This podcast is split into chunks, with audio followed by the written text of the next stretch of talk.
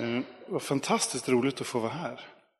Och eh, få vara med och avtacka Annika och också liksom på något vis ja, men, säga någonting om hur skulle det kunna se ut framåt. Så, en otrolig förmån för mig att få vara här känner jag. Jag är väldigt glad för det och eh, väldigt roligt att vara i församlingen. Jag har ju varit en gång tidigare i församlingen för några år sedan. Annika bjöd, bjöd ner mig och vi hade en bibelhelg om, om Guds ord. Jätteroligt tyckte jag att det var.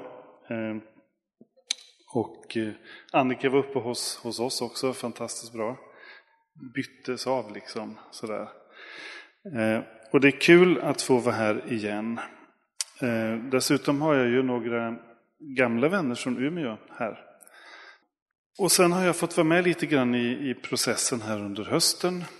Eh, liksom, vart är vi på väg? Vad ska hända? Vad, var är vi nu? Var står vi nu? Och, och, och allt det här. Och eh, det har varit också en, en otrolig förmån att få se längtan. Att få se viljan att, att leva och vara nära Gud. Min upplevelse i allt det det är att, att Göteborg Vineyard är på en väldigt spännande plats. Väldigt spännande plats, väldigt liksom finns en, på någon så, en form av platå. Och sen finns det många vägar framåt. Eh, och jag kommer tillbaka till det. Men en församling som vill mer med Jesus. Så, så vad ska man predika om en sån här dag? Tänkte jag och bad och funderade.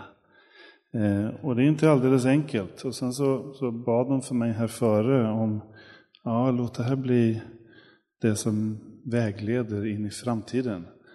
Och det satte ju liksom satte ju ribban liksom någonstans i takhöjd sådär. Så eh, vi får väl se, se vad det blir. Jag ska försöka hålla ner tiden lite. Jag brukar ju undervisa, jag jobbar på, eh, förlåt jag har inte presenterat mig. Jag heter Ulf Dagerbrant. Hej. Eh, och eh, ursäkta, jag jobbar som pastor i Umeå Vineyard sedan 2012, tror jag det är. Och med ALT. Så jag är studiecentersamordnare, lärare och studieledare på ALT. jag var ensam på ALT i Umeå under ganska många år, nu är vi tre. Eh, men då gjorde jag liksom allt som ALT gör uppe i Umeå. Eh, ALT är alltså Akademi för ledarskap och teologi och är en fyraårig pastors och eh, ledarutbildning som drivs av Pingströrelsen, EFK och Alliansmissionen. Så jag brukar säga det att när jag, för att reta pingstpastorerna, framförallt då i Umeå, för det, vi, vi, finns i Pingstkyrkan, nämligen ALT. Så jag brukar säga till dem att när jag inte är vinjardpastor så lär jag de andra samfunden hur man gör. Så, så då rynkar de lite på näsan och säger äsch då. Nej, det är på skoj. Vi har en väldigt god relation. Vi är väldigt goda vänner. Så det är bra. Men jag jobbar för fyra samfund, skulle man kunna säga. Egentligen. Um, och så i, nu, när jag är här nu så är det i egenskap av att jag är med i Vineyard Sverige ledningsgruppen som, som Edla sa. Mm. Eh, jag är gift, vi har tre vuxna barn. En av dem heter Kristoffer och några av er här känner ju honom väl, vet jag. Eh, och han, de andra är lite mer osynliga. Eh, men, men han syns ju, om inte annat för att han är två meter lång. Det hjälper ju till. Och jag är gift med Anna som hälsar jättemycket till församlingen. Det var ju det. Hälsa till församlingen, sa hon. Glöm inte det nu. Så nu har jag gjort det också. Det var bra. Eh, när jag funderar på det här året, eh, dels ut i, i Umeå Vineyard men också Vineyard Sverige, så har jag fått två stycken grejer. Ett citat och ett bibelord. Och det är de jag ska dela med er idag, tänkte jag. Eh, och vi återkommer till det strax då, men det handlar om överlåtelse. Och det handlar om nyöverlåtelse och det handlar om efterföljelse och det handlar om lärjungaskap. Men inte på ett kravfyllt och pressat sätt. Inte på det där sättet att, att liksom man ska försöka uppfylla någonting speciellt. Det är ju det är så här, om man tittar på kristendom, sann kristendom, äkta kristendom, äkta Jesus efterföljelse om man vill. Och alla andra religioner, läror, ideologier, allt vad det kan vara. Så finns det en viktig skillnad däremellan. Och det är just det här att i allt annat så försöker man sträva efter att bli god nog för Gud. Du har islam, du har hinduism, du har alla världsreligionerna, buddhism, vad, vad du än tänker. Olika ideologier, olika etiska teorier. Det handlar alltid om att man ska, eller hela new age. Det handlar om att man ska förbättra sig själv för att nå fram till sin fulla potential och om det är, är, liksom, är något religiöst i det, för att behaga Gud och för att bli älskad av honom. Medan i kristendomen så är det ju tvärtom. Det säger ju Bibeln väldigt tydligt. Du kan aldrig behaga mig, säger Gud. Du kan aldrig, du kan försöka mycket du vill, men du kommer aldrig att kunna nå upp till den nivå som jag kräver för att bli behagad. Och så har det varit sedan syndafallet. Det finns inte i oss människor att kunna liksom sträva eller pressa eller pusha oss själva fram till en nivå som behagar Gud. Eller där, där vi kan liksom i vår egen kraft bli älskade av Gud. Utan vad som händer är istället att Gud blir människa. Han inkarneras, han blir kött, han blir kropp. Kommer och finns här och går mitt ibland oss. Och liksom när han gör det visar vilken kärlek han har till oss. Den sån kärlek som leder ända in i döden. Död och uppståndelse. Så där finns en, en otrolig skillnad på allt annat egentligen och en sund kristen lära. Och, och där, den efterföljelsen, som inte på ett kravfyllt sätt försöker förtjäna, utan jag tänker så här att sann biblisk eh, överlåtelse handlar inte om att bli någon annan än den jag är. Utan det handlar om att bli den jag innerst inne är. Att hitta min egen identitet, den identitet som Gud la ner i mig.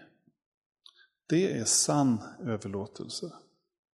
Sant lärjungaskap handlar inte om att försöka pusha sig till att vara präktig och duktig och fantastisk. Utan det handlar om att bli buren. Sann efterföljelse handlar om att lägga ner sin egen strävan. Och då hamnar vi liksom i en annan position, eller hur? Ofta när människor utanför kyrkan tänker på människor i kyrkan så tänker de, nej men sån vill jag aldrig bli, de är så himla präktiga, ordentliga och ordnade och det kommer jag aldrig att klara och jag vill inte ens. Och så kommer man in i kyrkan och så ser man, trodde man att ja, de är ju bra allihopa, och så ser man, nej de var ju inte alls bra. de har ju samma problem som alla andra. Ni har ju samma problem som alla andra runt om i världen. Eller hur? Kämpar med ekonomi och räkningar och man blir för arg ibland och man är självisk och man, allt sånt där, det brottas vi ju med allihop. Och vi kan inte i vår egen kraft pressa eller pusha bort det. Utan vi måste förlita oss på att Jesus har kommit ner. Han har dött och han har uppstått för vår skull. Gud sände den heliga Ande till att bo i oss. Och där finns nåden. Där finns kraften. Inte i min präktighet eller i mina försök att göra någonting, utan i min svaghet. Där finns nåden. Då, när jag erkänner mig själv som otillräcklig, kan Gud få komma in och börja göra saker och ting. I oss och genom oss. Det gäller för oss som individer och det gäller för oss som församling. När vi slutar låtsas att vi duger, att vi är präktiga, att vi klarar av allting, då kan Gud få utrymme och plats. Först då kan Gud få utrymme och plats. Paulus talar ju om det här på ett väldigt tydligt sätt i både första och andra Korinthierbrevet. se. Vi börjar i första, första Korinthierbrevet 1. Och vers 27 står det så här. Bröder, tänk på när ni blev kallade och systrar. Inte många var visa i världslig mening, inte många var mäktiga, inte många förnäma. Men det som är dåraktigt för världen utvalde Gud för att låta de visa stå där med skam. Och det som är svagt i världen utvalde Gud för att låta de starka stå där med skam. Och det som världen ser ner på, det som ringaktas, ja, som inte finns till, just det utvalde Gud för att göra slut på det som finns till, så att ingen människa ska kunna vara stolt inför Gud. Genom honom finns ni i Kristus Jesus som har blivit vår vishet från Gud, vår rättfärdighet, vår helighet och vår frihet. Så som det står skrivet, den stolte ska ha sin stolthet i Herren. Och så hoppar vi lite snabbt till andra Korinthierbrevet mot slutet, kapitel 12. 12 och 8. Och då står det om svaghet igen.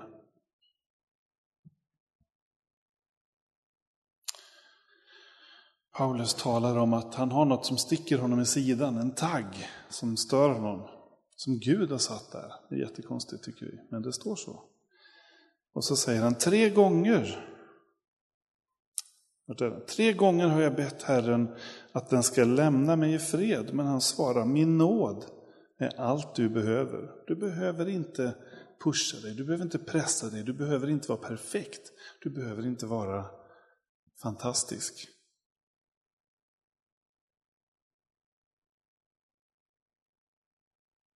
Ja, i svagheten blir kraften störst. Därför vill jag helst skryta med min svaghet så att Kristi kraft kan omsluta mig. Jag gläds åt svagheten, förolämpningarna, svårigheterna, förföljelser och nöd när det är för Kristi skull. Ty när jag är svag, då är jag stark. Därför att Kristus är stark i mig, därför att han får utrymme i mitt liv när jag inte räcker till. Och på samma sätt är det med en församling. När vi själva inte räcker till, när vi själva känner oss för små, för otillräckliga, för okapabla, då kommer Gud in och kan göra sina grejer. När vi är tillräckliga i oss själva, då stänger vi ute Gud. Ur det som, som, som liksom, och gör allting på egen hand. Det är så det har funkat genom hela, hela historien. Titta på Israels folk gång på gång. Så när jag tittar på Göteborg Vineyard, lite grann utifrån. Ni vet när man tittar på någonting utifrån så får man ett annat perspektiv. Lite grann. Då ser jag liksom, ja, nytt år betyder nya möjligheter. Och här är det inte bara nytt år. Här är det ju typ nytt allting. så här, bara, bara liksom kort. Så här, nytt år, ny plats, ny tid, förmiddag. Nytt ledarskap, ny logga. Alltså, det går ju att fortsätta, tänker jag. Nystart. Är det en ny församling? Tänkte jag, är det en ny församling? Är det en ny församling? Nej, det är inte en ny församling. Men allt, allt runt omkring är nytt på något sätt. Men inte församlingen. Församlingen är en gemenskap på väg. Och det är stort. Man skulle kunna liksom bryta och starta nytt, ny församling. Men det är liksom inte det ni har gjort, utan ni har bytt plats och tid och allting och så säger ni, Se vart Gud leder oss. Vi är en församling på väg. Nya möjligheter. Och när jag tänker på det, då tänker jag på så här, vilken plats ni befinner er på just nu. Alltså vilket ställe.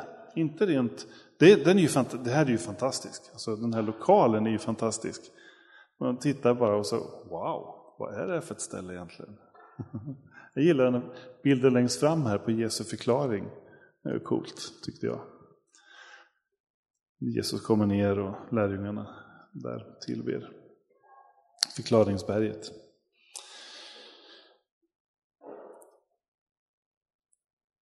Men det är inte det jag menar. Jag menar andligt, själsligt, tankemässigt. Vilken plats ni är på, där nya dörrar kan öppnas. En plats av hopp, av möjligheter, av nya vägar och nya dörrar.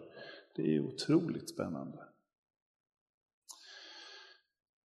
Och när man tittar på det utifrån då så tänker jag ibland så här, wow, jag skulle vilja vara där.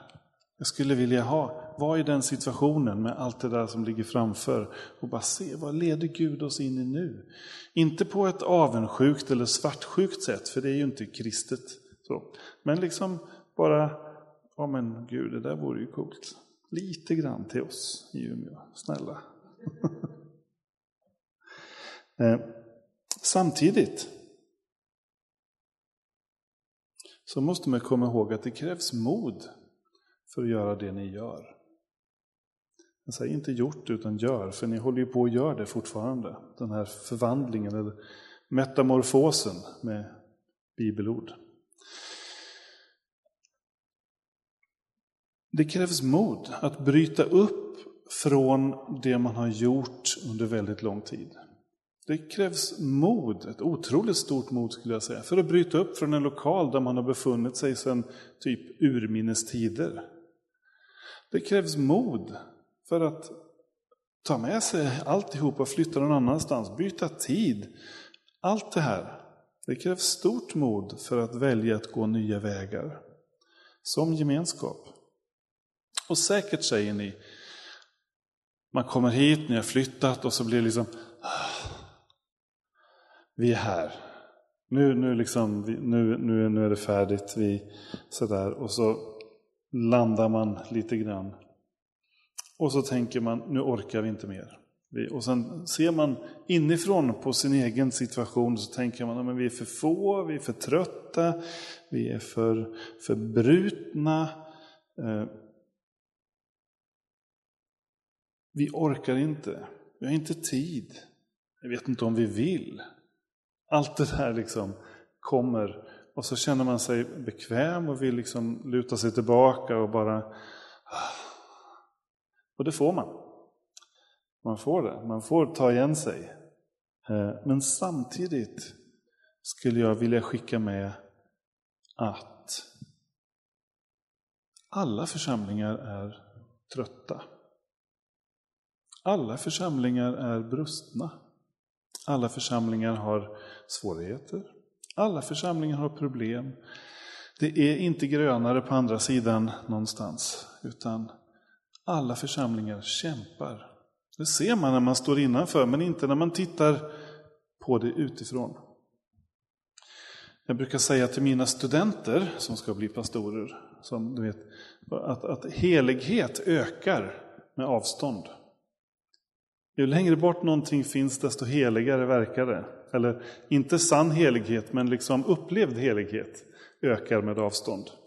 Det är därför vi tycker att pastorer och predikanter som finns på andra ställen, de är så fantastiskt bra. De predikar så underbart och det är så kul att lyssna på dem.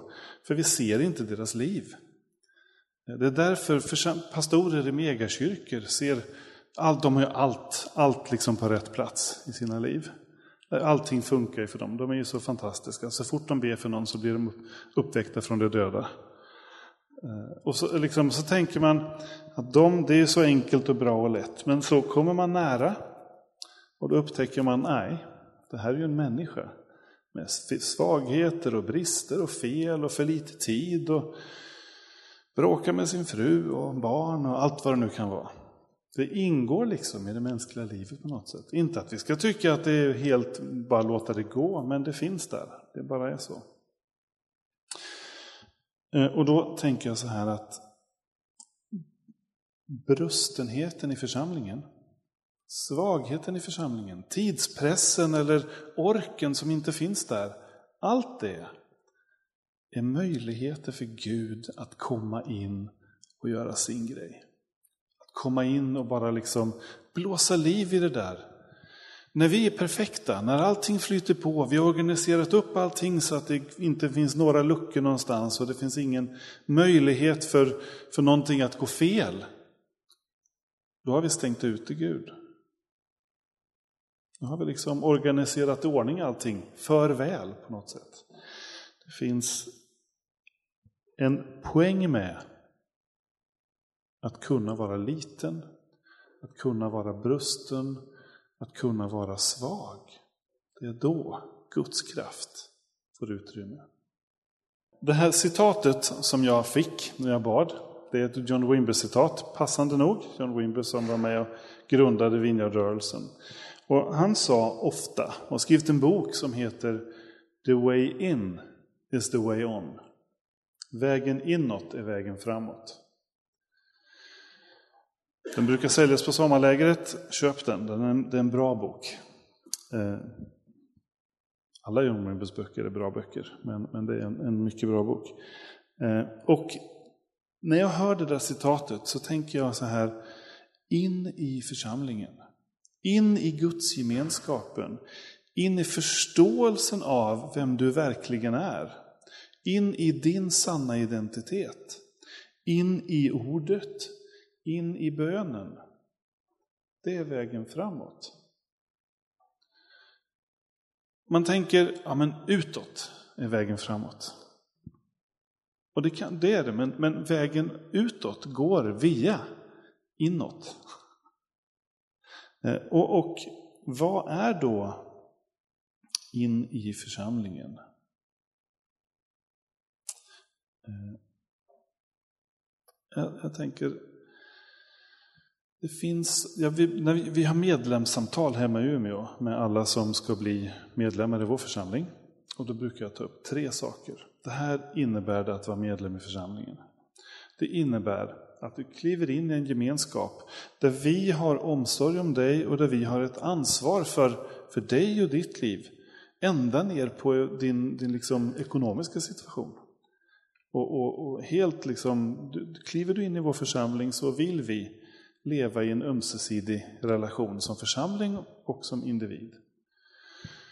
Eh, men du behöver också veta att det krävs saker av dig också för den där ömsesidigheten. Det är inte bara, liksom, församlingen är inte bara till för dig, utan du är också till för församlingen i så fall.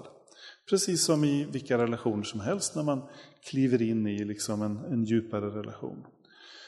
Och då brukar jag säga det här att vad församlingen vill, det är att du engagerar dig med din tid, med ditt engagemang och med din ekonomi. Att du är med och investerar i den här församlingen med din tid, med ditt engagemang, och med din ekonomi. De tre grejerna. Och sen kan man fundera på nivån och storleken på alla de här tre och det är naturligtvis individuellt. Så jag säger, liksom inte, ja du får inte vara med här om du inte ger 10% av din bruttoinkomst. Så är det inte. Utan eh, det är, det är ju helt individ, mycket individuellt. Men jag tänker att man, det finns en överlåtelse i mitt hjärta till den gemenskap där jag delar mitt liv, där jag finns med. Så, som handlar om det här. Tid, engagemang, ekonomi. Det är de tre, kanske de tre viktigaste liksom parametrarna i våra liv. Vår tid, hur behandlar vi den? Hur jobbar vi med den? Hur, hur prioriterar vi den? Om man, om man säger att man är med i församling men, församling, men aldrig prioriterar att komma på församlingens samlingar för att jag har inte tid. Hur, hur, hur, hur mycket med är man liksom? Om jag, om jag aldrig är med och engagerar mig, om mitt engagemang för församlingen inte finns där, jag är loj, liksom. jag är blasé, jag är kall i relationen till församlingen, då, är man ju liksom, då har man ju valt att ställa sig lite, lite vid sidan om på något sätt. Om man med sin ekonomi inte är med och stöttar, inte är med och investerar, inte är med och liksom bygger, då har jag valt att, att behålla min ekonomi för mig själv. Det är jag som är kung i mitt ekonomiska liv. Medan Bibeln talar om frikostighet, om att vi ska bygga gemenskap tillsammans och forma ihop. Så de där tre brukar jag ta upp hemma i Umeå som liksom markörer för ja, men vad är det att kliva in i gemenskapen, in i församlingen. Så det är en utmaning till er. Tid, engagemang, ekonomi. Viktiga parametrar för ett gott församlingsliv. Församlingen är så otroligt viktig idag. Eh, vi har ju levt i en tid med privatreligiositet mycket. När människor säger att ja, jag är typ kristen på mitt eget sätt och jag söker Gud på mitt eget sätt. Och så har vi liksom 2000 år av historia där församlingen har fått stå för rätt och sanning. Och Bibeln har fått vara måttstocken för vad som är sant och rätt. Och så börjar vi plötsligt då bara lämna det. Det är väldigt, väldigt konstigt. Redan på 200-talet så brottades man med, med det här. Och eh, det fanns en, en eh, Sankt Cyprianus, helige Cyprianus, han sa utanför kyrkan finns ingen frälsning. 200-talet, mitten på 200-talet någonstans. Därför att de här tankarna fanns redan på den tiden. Så det är något som kyrkan har brottats med väldigt, väldigt mycket. Man ska inte ta hans ord alldeles för liksom, bokstavligt, för han menade i relation till heretiker och folk som medvetet vände kyrkan ryggen och valde att ställa sig utanför då. Men, men inte folk som, som lever i en kristen kultur och läser Bibeln och vill söka Gud men inte har gemenskap med kyrkan kanske. Utan han menar de som vänder ryggen mot kyrkan när han säger det. Det har blivit ganska missbrukat det där ordet också. När man säger att du måste vara med här annars är du inte frälst. Annars får du inte vara med Gud.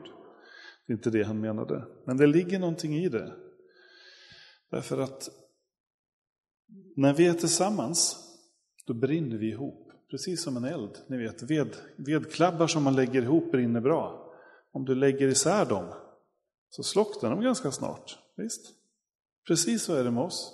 När vi är tillsammans och nära varandra så värmer vi varandra och får liksom energi av det och får, får riktning och vilja och längtan av det. När jag ser hur Gregory tillber så vill jag, jag vill också tillbe. När jag ser hur, hur, hur edla ber så tänker jag, jag vill också be till Gud, jag vill också ha relationen. Och så får man liksom tillsammans söka sig framåt. Eh, William Booth, grundaren av Frälsningsarmén, sa, han fick en fråga av en journalist precis på ingången till 1900-talet. Så här, vad har du för farhågor inför 1900-talet? Vad tror du kommer att hända? Vad är det som ligger framför?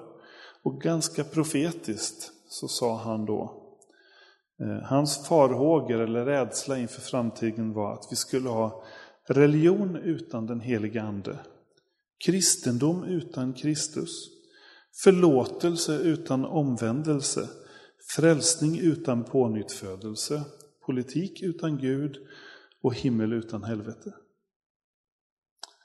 Och det är liksom spot on på något sätt där vi befinner oss idag.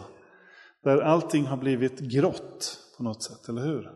Allt, läran har blivit platt och grå och in, liksom, inga tydliga gränser eller, eller liksom ordningar. Sådär. Och det här säger han då liksom 1890-talet någonstans. Jag vet inte exakt när. Men. Och hela, från mitten av 1900-talet och efter det så har det ju varit en tydlig rörelse mot precis de här sakerna. In i vår tid ända in i vår tid. Så, och mycket av det beror på privatreligiositet, eller privatkristendom. Att vi inte ligger tillsammans som vedklabbar och värmer varandra och hjälper varandra att ta ut riktningen framåt. Att vi inte kliver in i församlingen, in i gudsgemenskapen, in i ordet, in i bönen. Utan att vi tänker, jag gör det på mitt sätt. Och mitt sätt blir oftast inte speciellt mycket sätt efter ett tag. Jag fick också ett bibelord Eh, och det är ju ett jättespännande bibelord från Romarbrevet som jag skulle vilja dela med er nu då. Romarbrevet 8. Ett av Bibelns coolaste kapitel. Får man säga så? Man ska inte ha några favoritkapitel i Bibeln, men om man, man skulle ha ett, då, då skulle jag nog välja Romarbrevet 8. Eh, det ska vara här någonstans i Nya Testamentet. Här är det. Romarbrevet 8, 28-30 eh, står det så här. Vi vet att Gud på allt sätt hjälper dem som älskar honom att nå det goda. Dem som han har kallat efter sin plan. Till dem han i förväg har utvalt har han också bestämt till att formas efter hans sons bild, så att denne skulle vara den förstfödde bland många bröder. Dem som han i förväg har utsett har han också kallat, och de han har kallat har han också gjort rättfärdiga, och de han har gjort rättfärdiga, de han har också skänkt sin härlighet. Gud har kallat dig, för det första, och skänkt dig sin härlighet. Känner du att du har Guds härlighet?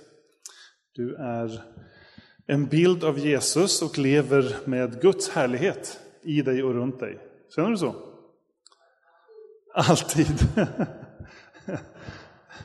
Jag vaknade i morse efter lite för lite sömn och ställde mig framför spegeln och tänkte shit! Guds härlighet. Nej, det tänkte jag faktiskt inte. Jag tänkte, vem är du? tänkte jag. Det är väldigt sällan vi känner egentligen att ja, men jag har Guds fulla härlighet. Guds fullhet finns i mig och runt mig och hela hans härlighet bara strålar omkring mig. Det kan kanske hända någon gång, men det är väldigt sällan, åtminstone för min del. Snarare tvärtom, man känner, vänta nu Gud, vart tog härligheten vägen? Kan, en liten, kan få lite i alla fall. Så. Men här står det att de han har utvalt har han också förutbestämt och de han har Eh, förklarat rättfärdiga har han också förhärligat. Lite annan översättning. Men. Och vi tycker det är så konstigt. Vi brustna, små, trasiga människor. Ska jag bära Guds härlighet, Guds fullhet? Det är jättekonstigt. Det är en sak. Den andra svåra saken är det här med utväljelse.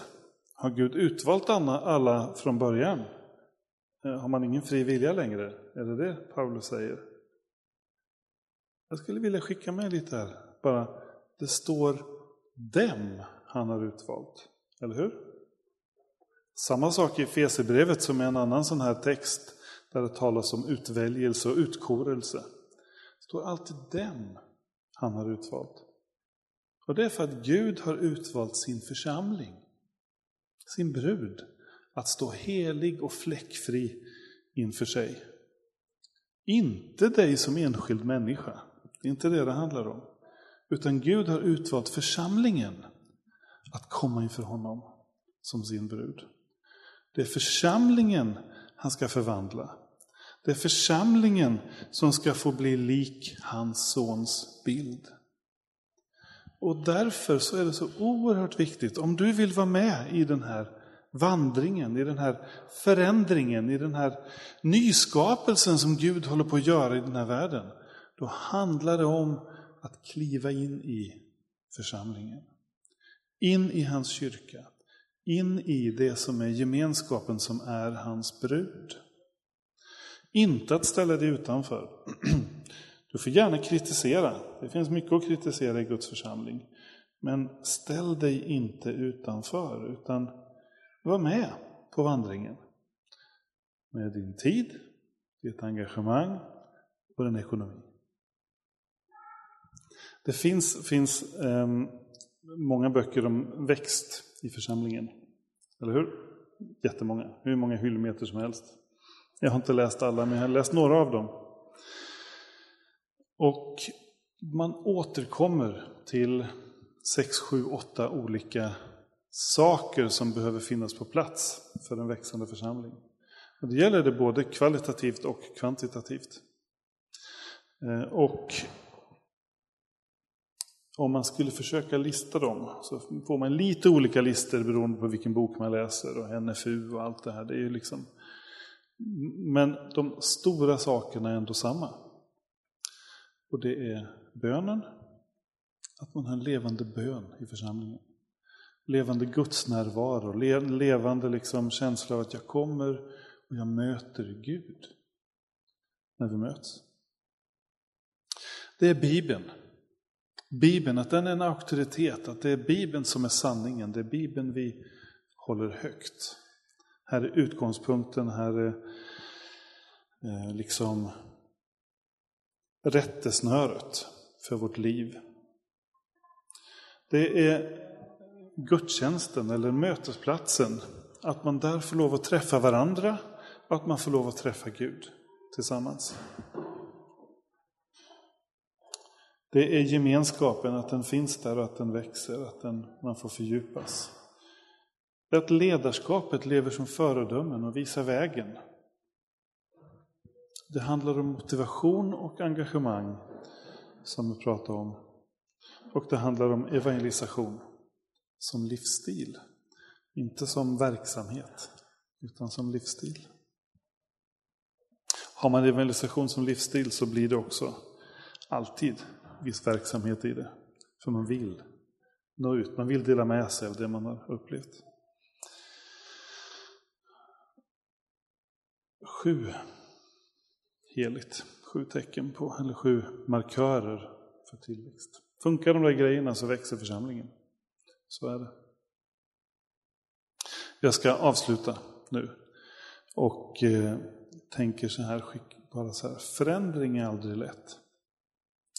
Och djävulen har två stycken lögner som han har, har tutat i västvärlden. Den första som han har lyckats oerhört väl med, det är att han inte finns. Eller hur? Så här, ah, men jag finns inte, jag är bara på låtsas. Jag är en liten röd gullig gubbe med en eldgaffel. Jag har sett sådana på... på man slår, men googla djävulen, eller djävul, på bara och se vilka bilder som kommer fram. De allra, det finns ju hemska bilder också, men väldigt många av dem är liksom en liten rund gullig gubbe som är röd med en eldgaffel. Så här. Djävulen har lurat oss alla att han inte existerar. Eh, den andra stora lögnen som han har lyckats väldigt väl med, det är att vi inte kan förvandlas. Att vi inte kan förändras. Jag är ju sån här, jag kan inte förändra mig. Det här är ju jag, det här är ju vem jag är. Men jag har ju de här olaterna och de här dåliga sidorna och det här hemska och dåliga. Det är jag. Och det är liksom, om man tittar i Bibeln så är det bara inte sant. För här står det, vi läste just att vi ska förvandlas efter att bli lik hans son, lik Jesus. Och, och för några år sedan var det världens mest citerade bibelord. Det sa jag sist jag var här också. Romarbrevet 12 och 3. Låt er förvandlas genom förnyelsen av era tankar. Det är liksom grund, inte förvandla dig själv utan låt dig förvandlas när den helige Ande kommer. I gudsmötet, i Guds närvaron. Var öppen för att Gud vill förvandla dig och forma dig att bli mer lik hans son. Dag för dag. För mig går det inte fort alltså, det kan jag säga. Det går, men det går, det går, men det går väldigt sakta. Men jag behöver mycket gudsnärvaro. Mycket möta Gud för att få det där. Och då tänker jag så här, kanske finns du här idag som känner att ja, men jag skulle vilja kliva på tåget. Jag skulle vilja gå med på vandringen, jag skulle vilja känna att ja, men jag är en del i gemenskapen. Jag har varit det eller jag har inte varit det, men jag känner att jag vill kliva återinträda i det där. Eller jag vill bara få ta emot mer av, av det. Du kanske aldrig har varit med. Jag vet ju inte, jag känner inte er allihopa. Så Kanske du finns här som känner, jag skulle vilja kliva in i, i det här projektet som Gud har med oss människor. Som kallas församling. Eh, och annars kanske du sitter här som känner, jag skulle vilja att Gud började förvandla mig på riktigt. Jag skulle vilja ha mer av det, mer av hans kraft i mitt liv, mer av hans närvaro i mitt liv. Vi ska ha en stund av bön och tillbedjan kanske. Ja, de nickar, de som vet. och eh, jag tänker då finns tillfälle för bön.